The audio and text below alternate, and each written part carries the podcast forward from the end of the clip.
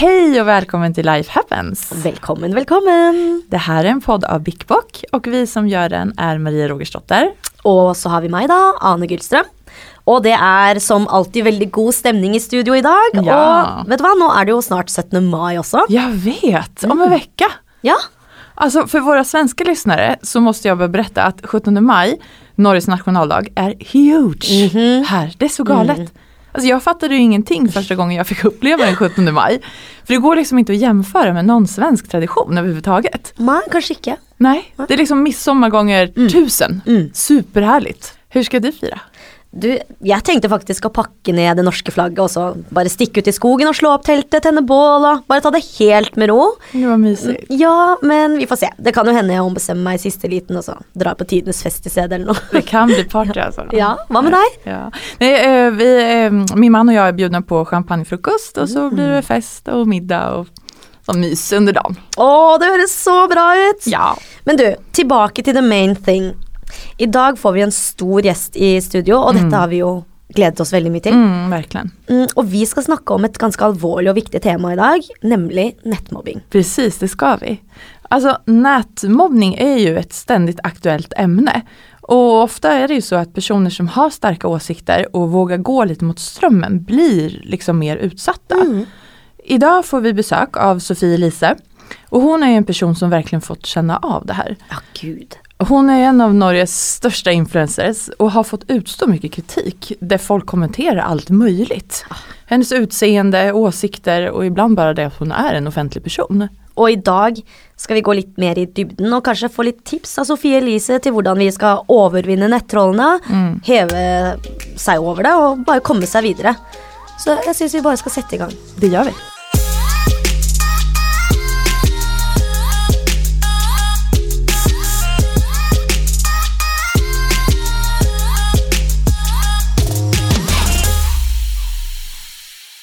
I dagens avsnitt er vi så heldige å ha med oss influenser, artist og forfatter Sofie Elise Isaksen. Sofie Elise er samfunnsengasjert og en stemme for mange som ikke helt våger å snakke like høyt. Hun har opp gjennom årene tatt opp kontroversielle temaer og blåst liv i tabubelagte emner. Hun er en av Norges største profiler, og det byr selvsagt på utfordringer. Sofie Elise er elsket, men også hatet. Så hvordan holde ryggen rak når man gjentatte ganger blir prøvd brukket ned? Hvordan stå opp for seg selv og kjempe seg gjennom alle kampene hun må ta, og ikke minst, hvordan heve seg over alle nettrollene der ute? Sofie Elise er et forbilde, men hun er også en venn, datter og kjæreste. Dagens tema er nettmobbing. Velkommen til Sofie Elise. Hei og velkommen hit Sofie Elise. Tusen tack. Vi er superglada at du tar deg tid og kommer til oss i studion dag. Ja. Jeg har sett pris på å få lov å komme hit. Vad kul.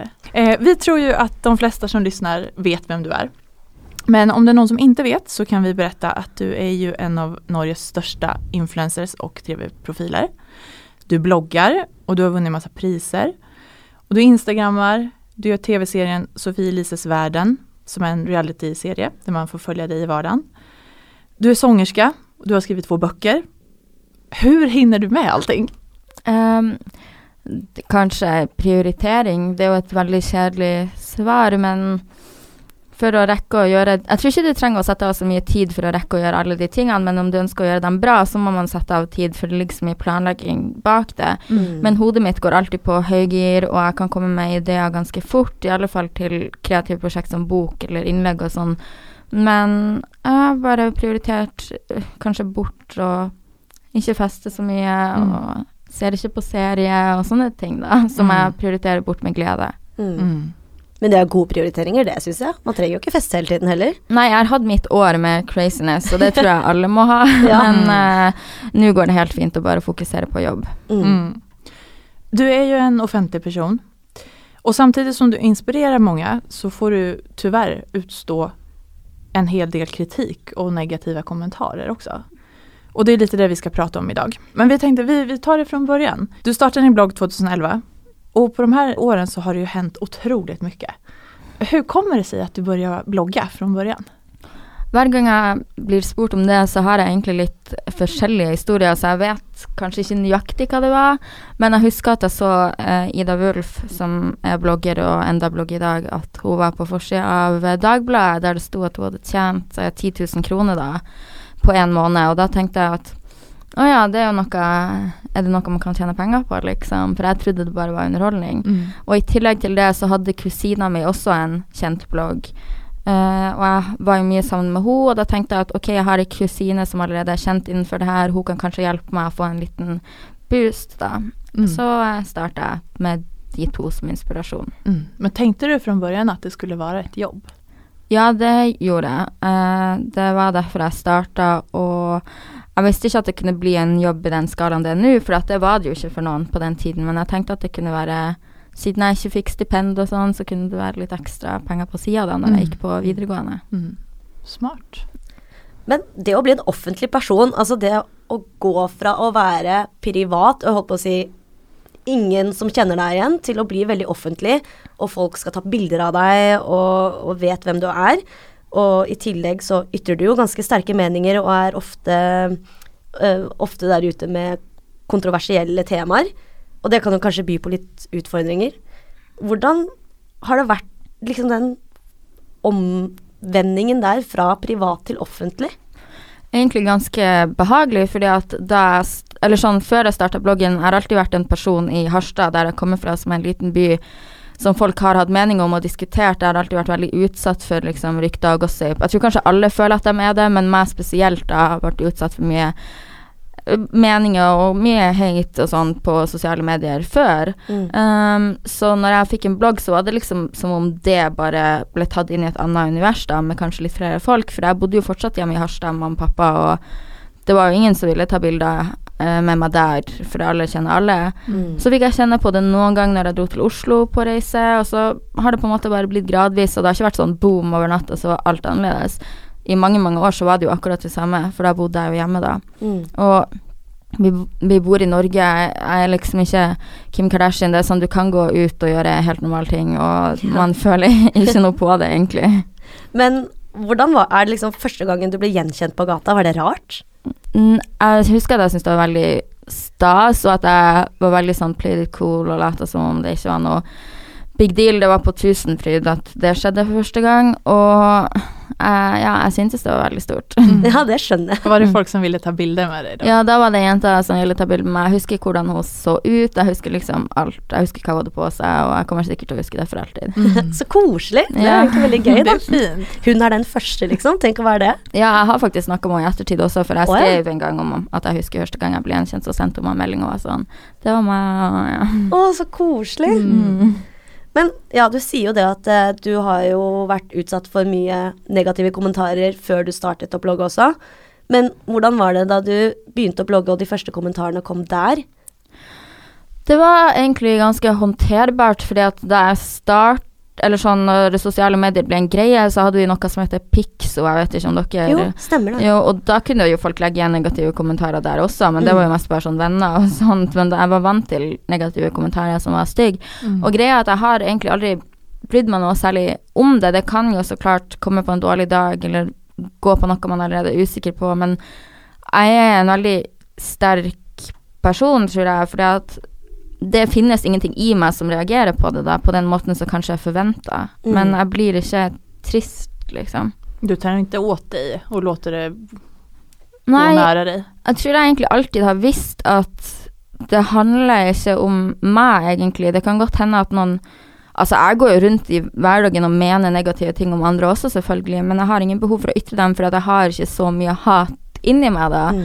Så hvis noen har et behov for å ytre det, så tenker jeg at det handler det ikke om meg som regel, så det er ingen Mm. vits i å ta det personlig da. Det, det handler sikkert litt mer om personene Ja. selv, at de kjenner at de har et behov og må få ut det. Mm. Ja, at de kanskje er sinte eller irritert, eller at de ikke vet hvordan de skal reflektere rundt ting. Jeg vet ikke, men om meg handler det i alle fall ikke. Nei. Og det tror jeg egentlig ikke positive kommentarer så, i så stor grad gjør heller. Alt er jo egentlig bare upersonlig, da, sånn sett. Men det er jo fint å kunne ta avstand på den måten og tenke sånn, altså. Ja, og samtidig så har jeg jo en relasjon til følgerne mine. Jeg føler at åpenhet gir åpenhet. Jeg får veldig mange historier, og de åpner seg mye til meg, og det tar jeg til meg. Men Mm. det å vite hvor det skillet går, da. Mm. Du var litt inne på det, um, där du sa, der du kom ifrån, at folk hadde meningar om deg og tykte ulike saker. Hvorfor tror du at en del människor stør seg på dig? Eh, når jeg vokste opp, i alle fall Altså, jeg har alltid vært uh, ganske kontroversiell, eller hva man skal si. Jeg har vært ungdomspolitisk aktiv, og man blir jo vant til å diskutere og ha meninger og sånn som har gjort at jeg har fått øve meg på det her, da. Mm. Men jeg har alltid ja, sagt det jeg mener, og ikke vært redd for å si det jeg føler. Vært ganske åpen. Noe av det morsomste jeg vet til en dag i dag, og det har alltid syntes, er å si noe som gjør folk utilpass. da. Jeg elsker det å si rare ting som folk blir sånn 'herregud, du er dritrar'. og så er sånn, ja, det er jeg. litt oppmerksomhet. Ja. sånn har jeg alltid vært, og det gir meg et kick, da. Men også er det vel det kombinert med måten jeg ser ut på og har lyst til å se ut på, som har gjort at jeg er en sånn litt merkelig forpakning folk ikke forstår seg på. Da. Men er det mange mennesker som kommenterer ditt utseende?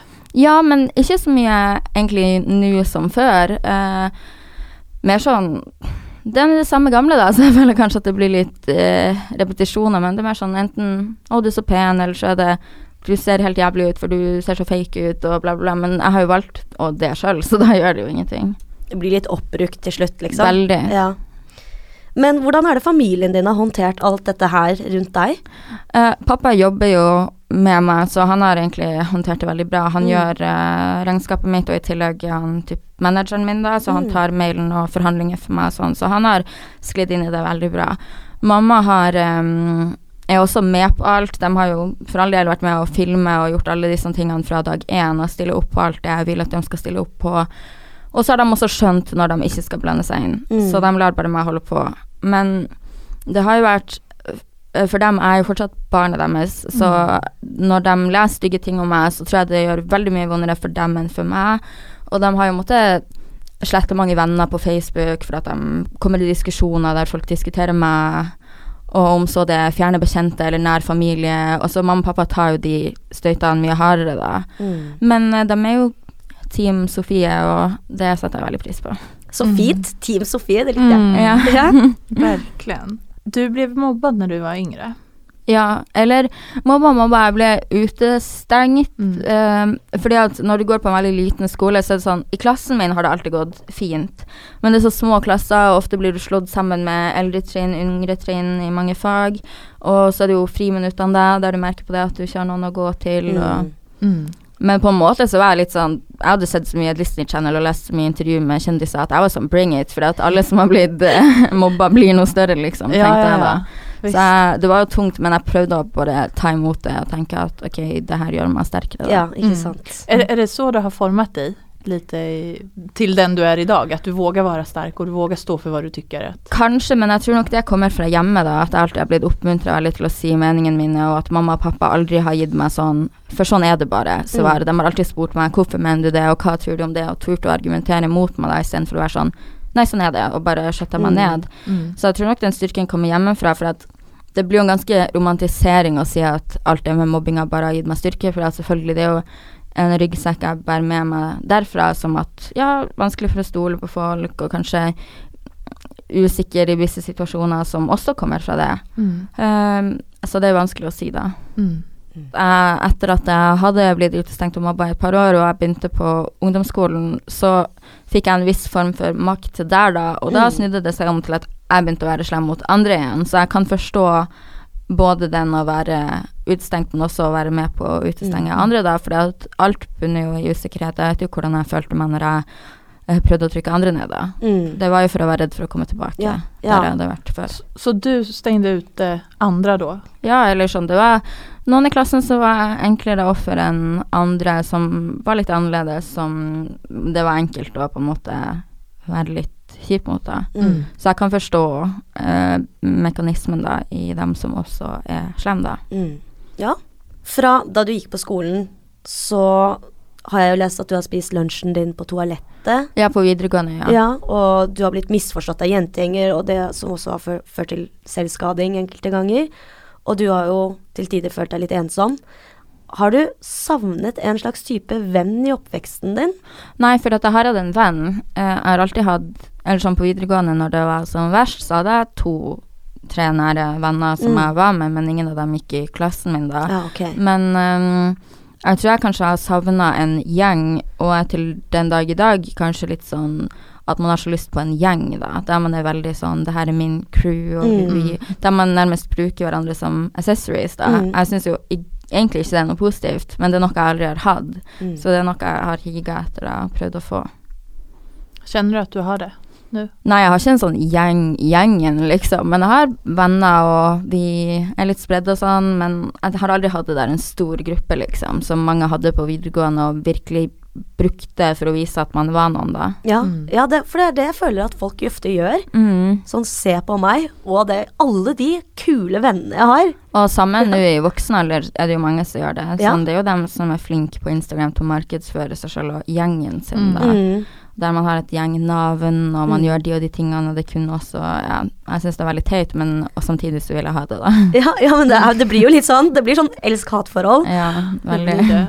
Og det er jo så Ting syns så jæskla mye bedre når det kommer på sosiale medier også, for da Mm. velger man jo ut hva man har lyst til å vise. Ja, ja. Ofte, i hvert fall. Ja, Altså. Men det er veldig sånn. Mm. Og jeg husker ofte sånne påsker og sånn, så har jeg sittet og bare Å, shit, skulle ønske jeg hadde en stor gjeng Mm. som inviterte på hytta eh, i påsken, så jeg kunne vært en av de som dro og raia på afterski og hadde det kult med gjengen min. Og så er det sånn Ja, jeg sitter hjemme og ser på instastoryene deres at de har det sjukt fett, liksom, og så her sitter jeg og Men det der, där, det der er så sjukt at man Ja. kjenner at man er utenfor, da når man ser at andre har det så himla Ja. kul hele tiden. Ja. Og så kan ikke jeg heller bare være glad for at jeg har det bra med meg selv også, da. Mm. Hvorfor skal jeg være så sjukt, liksom? Ja. Nej, Man det- blir jo påverkad. Viktigt, ja men verkligen påverkad. Och viktigt att komma ihåg också att allt är ju inte, det är ju en polerad yta som Mm. man ser. Ja. Ja, det er akkurat det. Mm. Jeg tror bare jeg var misunnelig på det at i en gjeng så skjer det så mye, da. At hvis en i gjengen har gjort noe, så går det på en måte utover alle, og det er et styr, og Ja. jeg syns at det virka litt spennende, da. Mm. Mm. Ja. når dere bare tre venner, så går det jo som regel ganske problemfritt for seg, det gjør jo det. Du är ju en förebild för väldigt många. Mm. Har du någon egen förebild som du inspireras av? Jeg kan bli inspirert av folk på forskjellige ting, men jeg føler ikke at jeg har et forbilde, nei. At etter at jeg har blitt kalt et forbilde sjøl, så har jeg fått et litt sånn ja, nei, man kan egentlig ikke ha noen som et forbilde, har jeg tenkt etter det, da. Men uh, inspireres av folk gjør jeg jo, absolutt. Men eh, det kan være forskjellig. Jeg kan bli inspirert av venner som har tatt seg gjennom tunge ting, eller Mm. måten de ser på livet, eller mamma og pappa, altså sånne ting, men ikke noe kjendis. Liksom. Mm. Men føler du at du fikk et eller annet stort ansvar da noen sa at Sofie Elise, du er et forbilde? Nei, jeg tror jeg ser på det litt sånn Ikke likegyldig, men jeg skjønner jo at det er bare et ord eller en fasadegreier. At egentlig er det på en måte ikke reelt, liksom. Mm. Fordi at uansett hva, så Jeg vil på en måte ikke gå rundt og preache ting som jeg ikke kan stå eller føle med hele meg. da. Jeg kan ikke gå rundt og si 'vær fornøyd med dere sjøl', og 'du er bra nok som du er', hvis ikke det er ting jeg føler på sjøl. Og det er jo kanskje det man skal hvis man er et forbilde, sånn som det blir sagt i dag, da. For jeg, jeg kunne gjerne sagt ja, et forbilde, men da blir det sånn å nei, da må du gjøre sånn og sånn og sånn. og sånn. Du måste Ja. opp til noen ting Ja, Mm. og det er jeg ikke klar for, det. Nei. Så nei. Men det finnes jo mange forskjellige definisjoner på ordet forbilde òg, tenker jeg. Det kommer litt an på, øyet som ser. Ja, altså, jeg føler jo at dem som har meg som forbilde, har det jo alltid av rett grunn. Altså, derfor blir jeg ikke egentlig bekymra når folk sier sånn å, du er et forbilde, og du må være ditt ansvar bevisst, for at dem som ser opp til meg, eh, kommer alltid med gode grunner til hvorfor de gjør det, da. Mm. Det er aldri overfladiske ting isolert. Det er liksom mer, da. Mm. Så sånn sett så føler jeg at det går fint, og at jeg har klart å Ved å bare være meg, være også et godt forbilde for dem som ser opp til meg, da. Mm. Og jeg syns det er sjukt kult at du fortsatt bare Jeg skal være den samme. Jeg skal være Ja. Sofie Elise. Mm. Den som jeg har vært hele veien, istedenfor bare ok, men da skal jeg være den dere ber meg om å være, da. Jeg har jo prøvd på det også. Jeg har jo prøvd å være den folk ber meg om å være, og tone ned litt på utseendetingene. Altså, jeg hadde en periode der jeg ja, farga håret mørkt og fikk sort-hvit Instagram og var veldig sånn hipster og var litt sånn gjengen og alt det der. Og um, det var jo fint nok det, og jeg ble kanskje tatt mer seriøst, men jeg kjeda meg jo i hjel, for det er jo ikke Mm. det jeg vil gjøre. Jeg, hvis folk spør meg sånn hvorfor legger du ut lettkledde bilder selv på Instagram, så har jeg ingen godt svar annet enn at det er det jeg vil. Mm. Og da burde man jo på en måte få lov til å gjøre det, da. Og, og att- att du vil gjøre det er Ja. et så godt svar. Ja, men jeg bare vil, og jeg kan, og jeg merker det at hvis jeg begrenser meg på én måte, altså hvis jeg ikke legger ut de bildene jeg vil, så klarer jeg heller ikke å mene de kule tingene jeg gjør, for da Mm. blir jeg begrensa jevnt over, da. Mm. Så jeg bare kjører på med alt jeg føler er rett, og det har ikke engang en begrunnelse annet enn at det er gøy. Mm. Ja.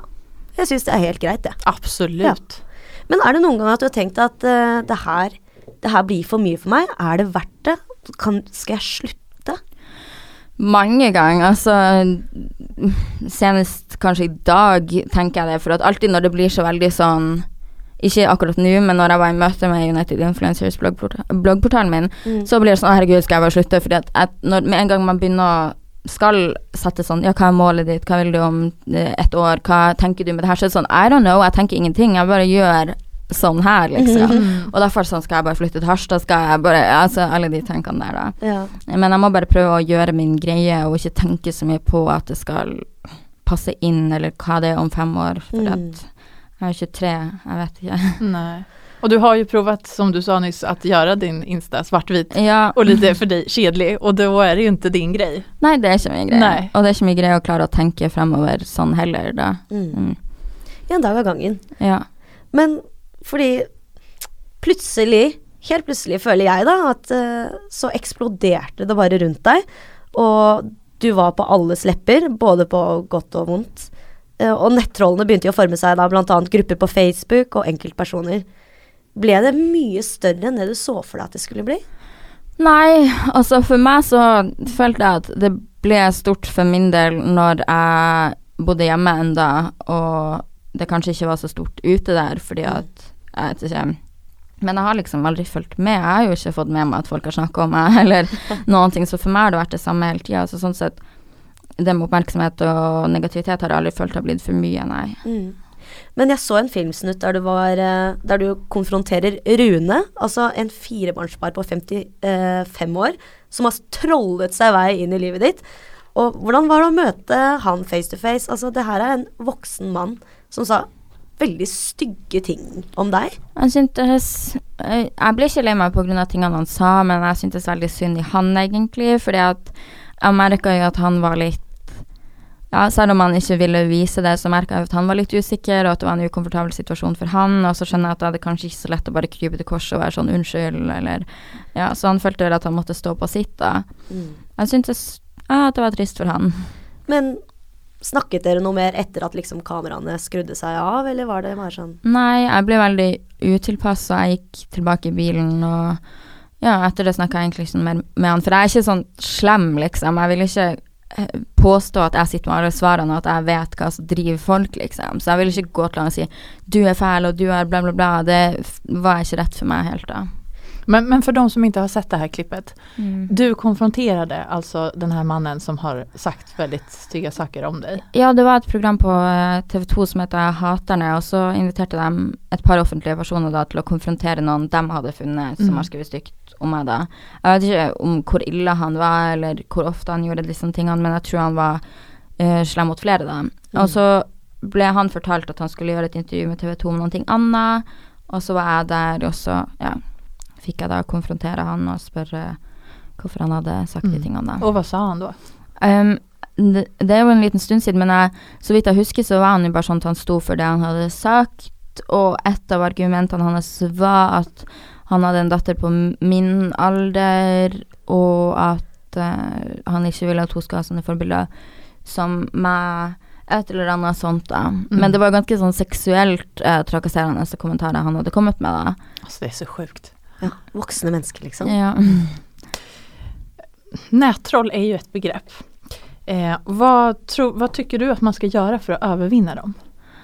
Jeg tror ikke det går an å overvinne dem, på en måte. Og helt ærlig, verden hadde jo vært litt kjedelig og egentlig da om alle bare satt og var enige hele tida, men jeg tror nok at sånn som det ser ut nå, så er det dem som er ganske unge, og dem som er ganske gamle, som er nettroller. Jeg føler ikke det er så mange på vår alder som er ute i kommentarfeltene og er kjempeslemme. Men de eldre kommer til, til å dø etter hvert, og da har jo vi lært oss nettvett, så vi er kanskje ikke sånn. Og unge folk er jo bare sånn. Man prøver seg jo frem og er litt slem og vet ikke helt hva man driver på med, så akkurat det skal man ikke ta så seriøst. Men de eldre, det er bare fordi de ikke har lært seg internett, sånn som vi har. Mm. Ja, det tror jeg faktisk. Ja. Jeg tror det Det ligger, ligger veldig mye i mye av det, det. altså. Ja. Ja. Men du får jo, som sagt, dette har vi jo kommet mye inn på, men du får jo veldig mye kommentarer på alt du gjør, selv om du liksom står for noe som er så viktig og bra, som bl.a.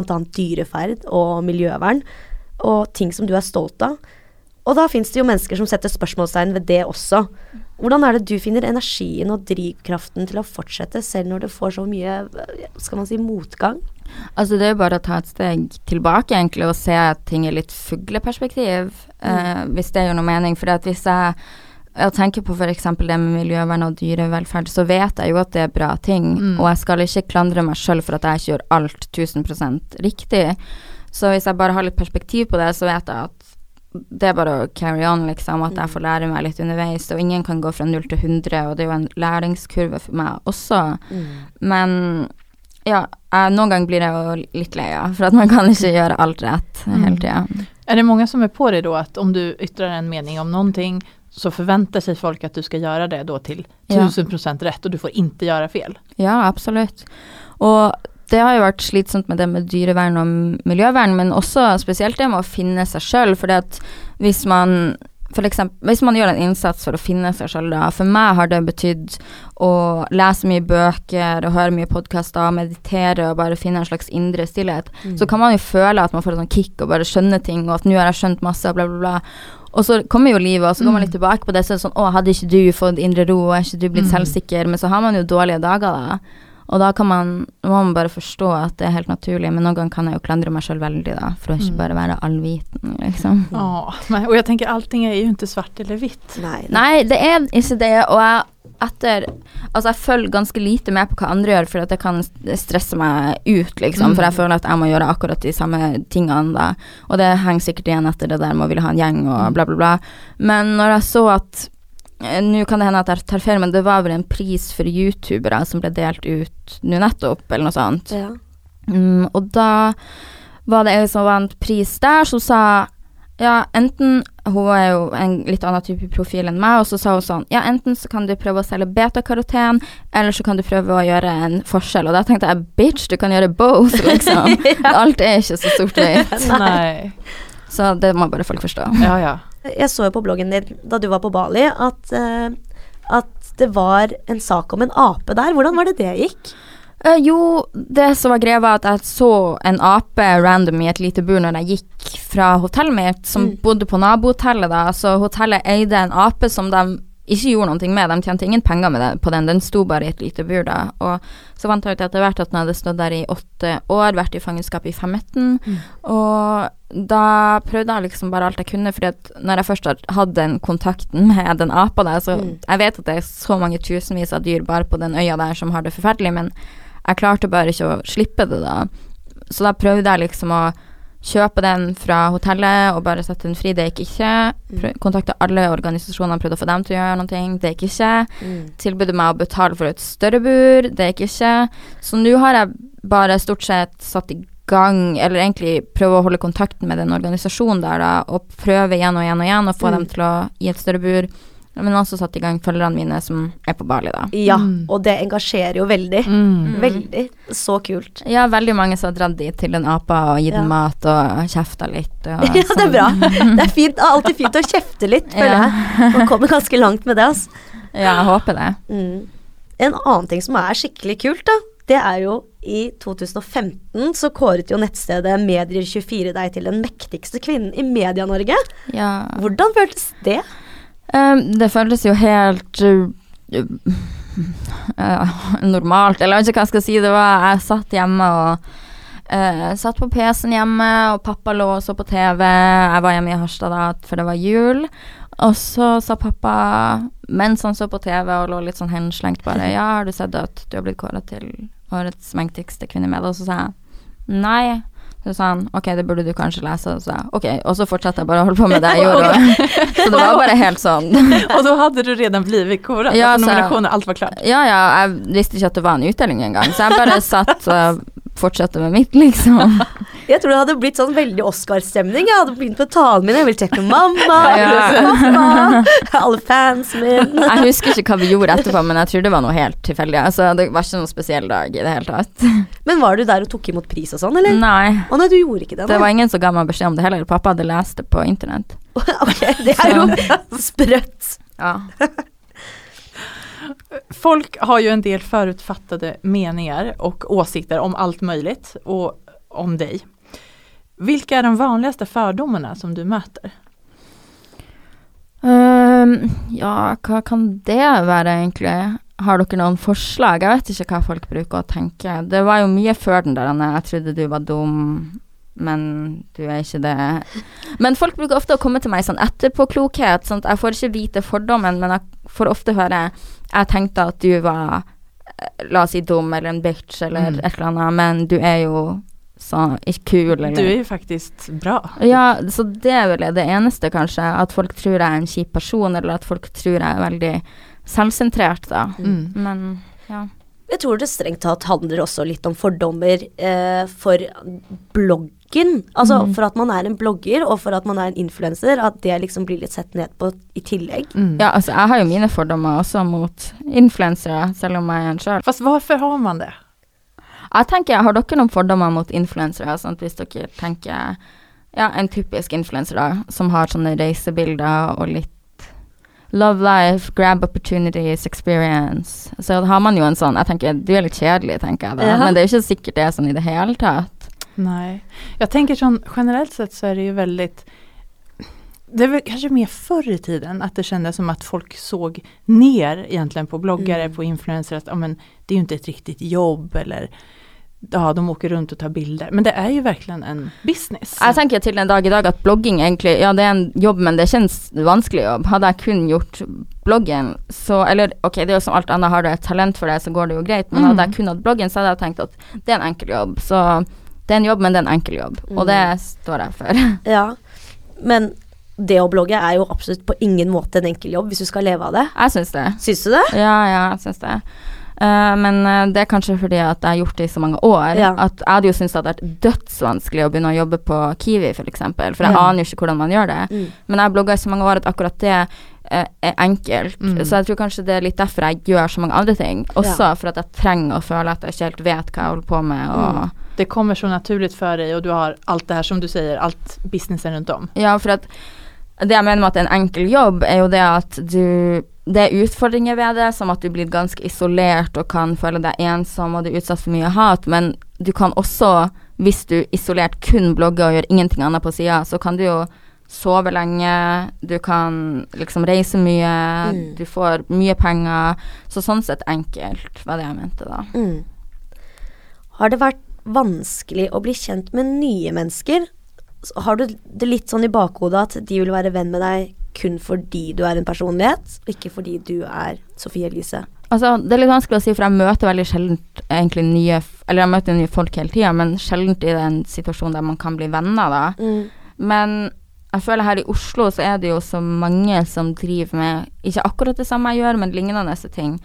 Uh, og jeg tenker at om så noen har fått en interesse av meg fordi de vet hvem jeg er, så gjør ikke det noen ting. Det er forståelig. Jeg har også blitt nysgjerrig på folk som er kjent. Og hadde jeg møtt Miley Cyrus, hadde jo hatt lyst til å bli venn med henne uten at jeg vet noe om henne, men Ja. fordi hun er den hun er. Ja.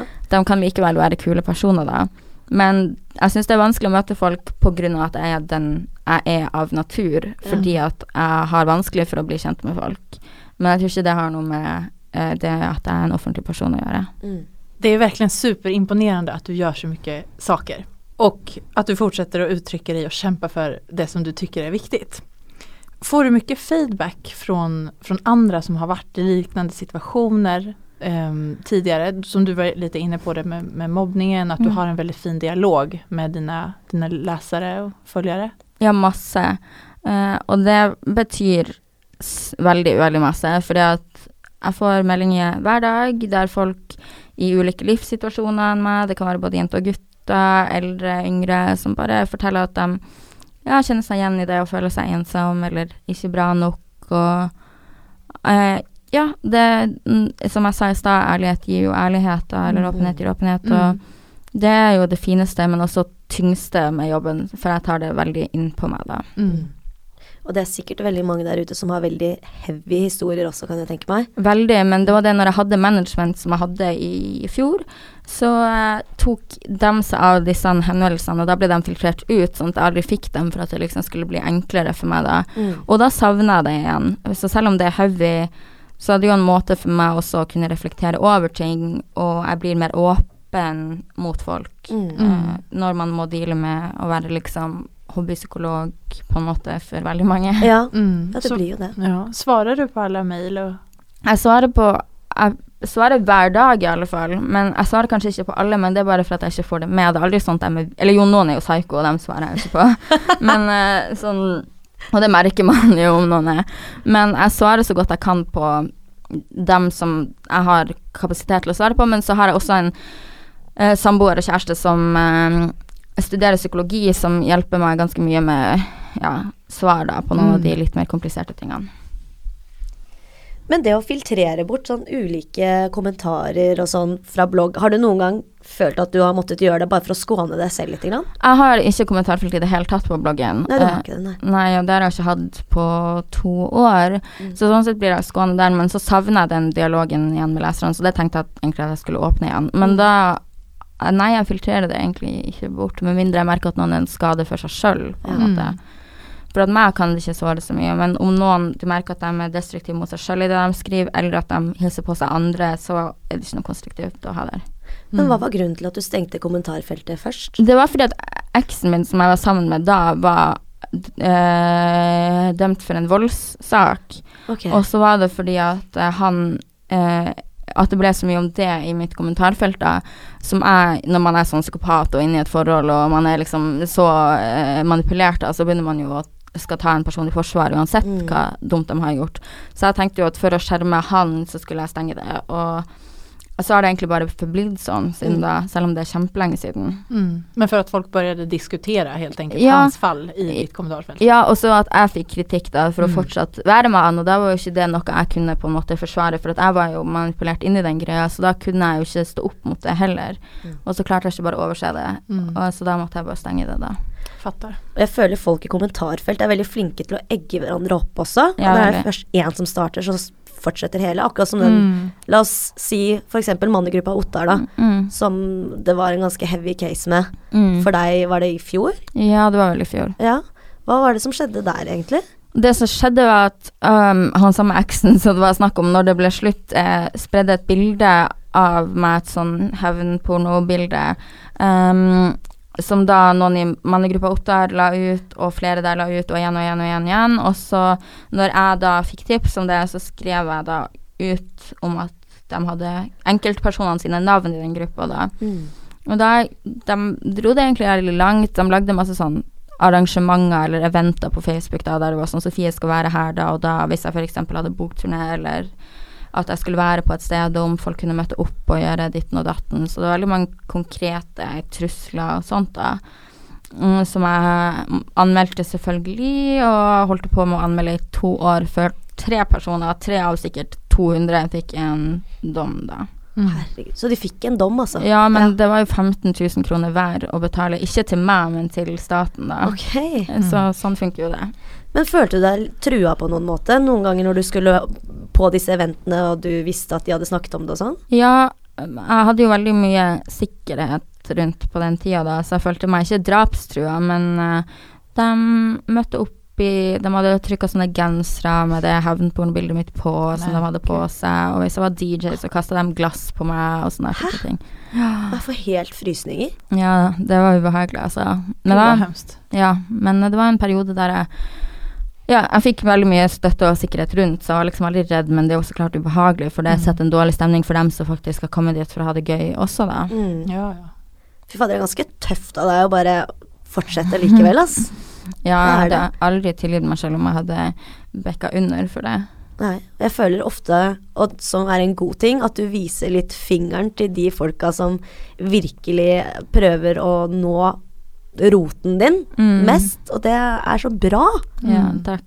Det burde folk fortsette å gjøre med mer. Mm. Ja. Men hva er ditt råd til andre der ute som går gjennom noe vanskelig, som har blitt mobbet eller ikke har det bra? Hva, er liksom, hva kan hjelpe de mest, tror du? Jeg tror det beste man kan gjøre, er at det finner Altså, for å få det annerledes, så kan du ikke fortsette å gjøre det samme, og det har vært et veldig Sånn, du kan ikke La oss si at du har det kjipt på skolen, da, for eksempel, og så kommer du hjem, og så scroller du på Instagram, og så ser du på serier, og du fortsetter bare å ha det dårlig, da. Mm. Og det er sånn, du kan ikke gjøre så mye med at du går på skole med kjipe folk, men du kan gjøre noe med hva du gjør med deg sjøl senere, da. Så du kan bruke den tida hjemme på når du sier lese eller oppsøke andre forum eller steder der folk føler det samme. Mm. Du kan høre på kule podkaster, se bra dokumentarer. Du kan gjøre masse for å utvikle sinnet ditt da, og gi deg sjøl tro på at det finnes noe mer der ute. Mm. For det får du ikke av å se de samme episodene Sex and City for 20. gang og scrolle på Instagram hvis du har det kjipt og det ikke har gjort noe for deg. Så det er ett råd. Og ved å gjøre de tingene der, så blir du også skjønne at de tingene du går gjennom, kan du bruke til din styrke på en eller annen måte. Så jeg føler at selvutvikling er et godt råd. For Mhm. mange bare stopper opp og bare velter seg i det elendige. Og det forstår jeg godt, men det hjelper ingenting. Mm. Mm. Så bra råd. Veldig godt råd. Mm. Takk. Og altså, du har jo så sjukt mange jern i ilden hele tiden. Jeg, syns jeg, jeg ser deg gjøre noe nytt hver eneste gang jeg liksom får deg opp i feeden, eller liksom møter på deg, eller et eller annet. Men det er jo TV-program, og det er jo bøker, og det er jo så mye. Men hva, hva blir veien videre for deg nå? føler at jeg bare skal gjøre de tingene jeg gjør, og gjøre dem bra, egentlig. Og hvem vet, fordi at sånne veien videre Jeg føler virkelig jeg kan gjøre hva som helst, kanskje om et år at jeg er kloster, eller at jeg kanskje har et barn, eller kanskje jeg bor et annet sted. Altså alle dørene liksom er åpne, da. Ja, kloster eller barn? Ja, same shit. ja, ja, faktisk. Uff a meg. Hvilket tema skulle du vilja at vi pratet om her i podden? Um, det hadde jo vært veldig interessant om dere snakka om selvutvikling, Mm. og hadde noen her inne som ser litt alternativt på det, hadde jeg syntes det hadde vært veldig spennende. Mm. Ja, godt Kul. tips. Ja. Litt sånn uh, zen-mode og Ja, eller rasta og litt sånn. Jeg syns det er veldig kult med de som kombinerer da, at de er f.eks. psykolog, men også driver med healing, eller sånne mm. kontraster i folk, Mm. syns jeg er veldig spennende. Mm. Spennende. tar vi med oss. Det er jo et veldig viktig tema som vi bare Vi kan ikke snakke for mye om det, egentlig. Og Sofie Elise, for en du er så sterk og du er så inspirerende, og jeg skjønner veldig godt at folk kaller deg et forbilde. Mm. Takk. Så ja, tusen takk for at du ville være med. Takk så jättemycket for at du kom hit. Takk for at jeg fikk komme. Om dere har lyst til å følge Sofie Elise på Instagram, så finner dere henne under Sofie Elise. Life Happens er en podd av Bickbock og vi heter Maria Rogersdotter og Ane Gylstrøm. Produktionsbolaget er Moderna Media. Om du har frågor eller förslag på teman blir vi jätteglada om du mejlar oss på lifehappens@bickbock.com eller skickar ett direktmeddelande på Insta som är Bickbock. Vi ses snart igen. Ha det!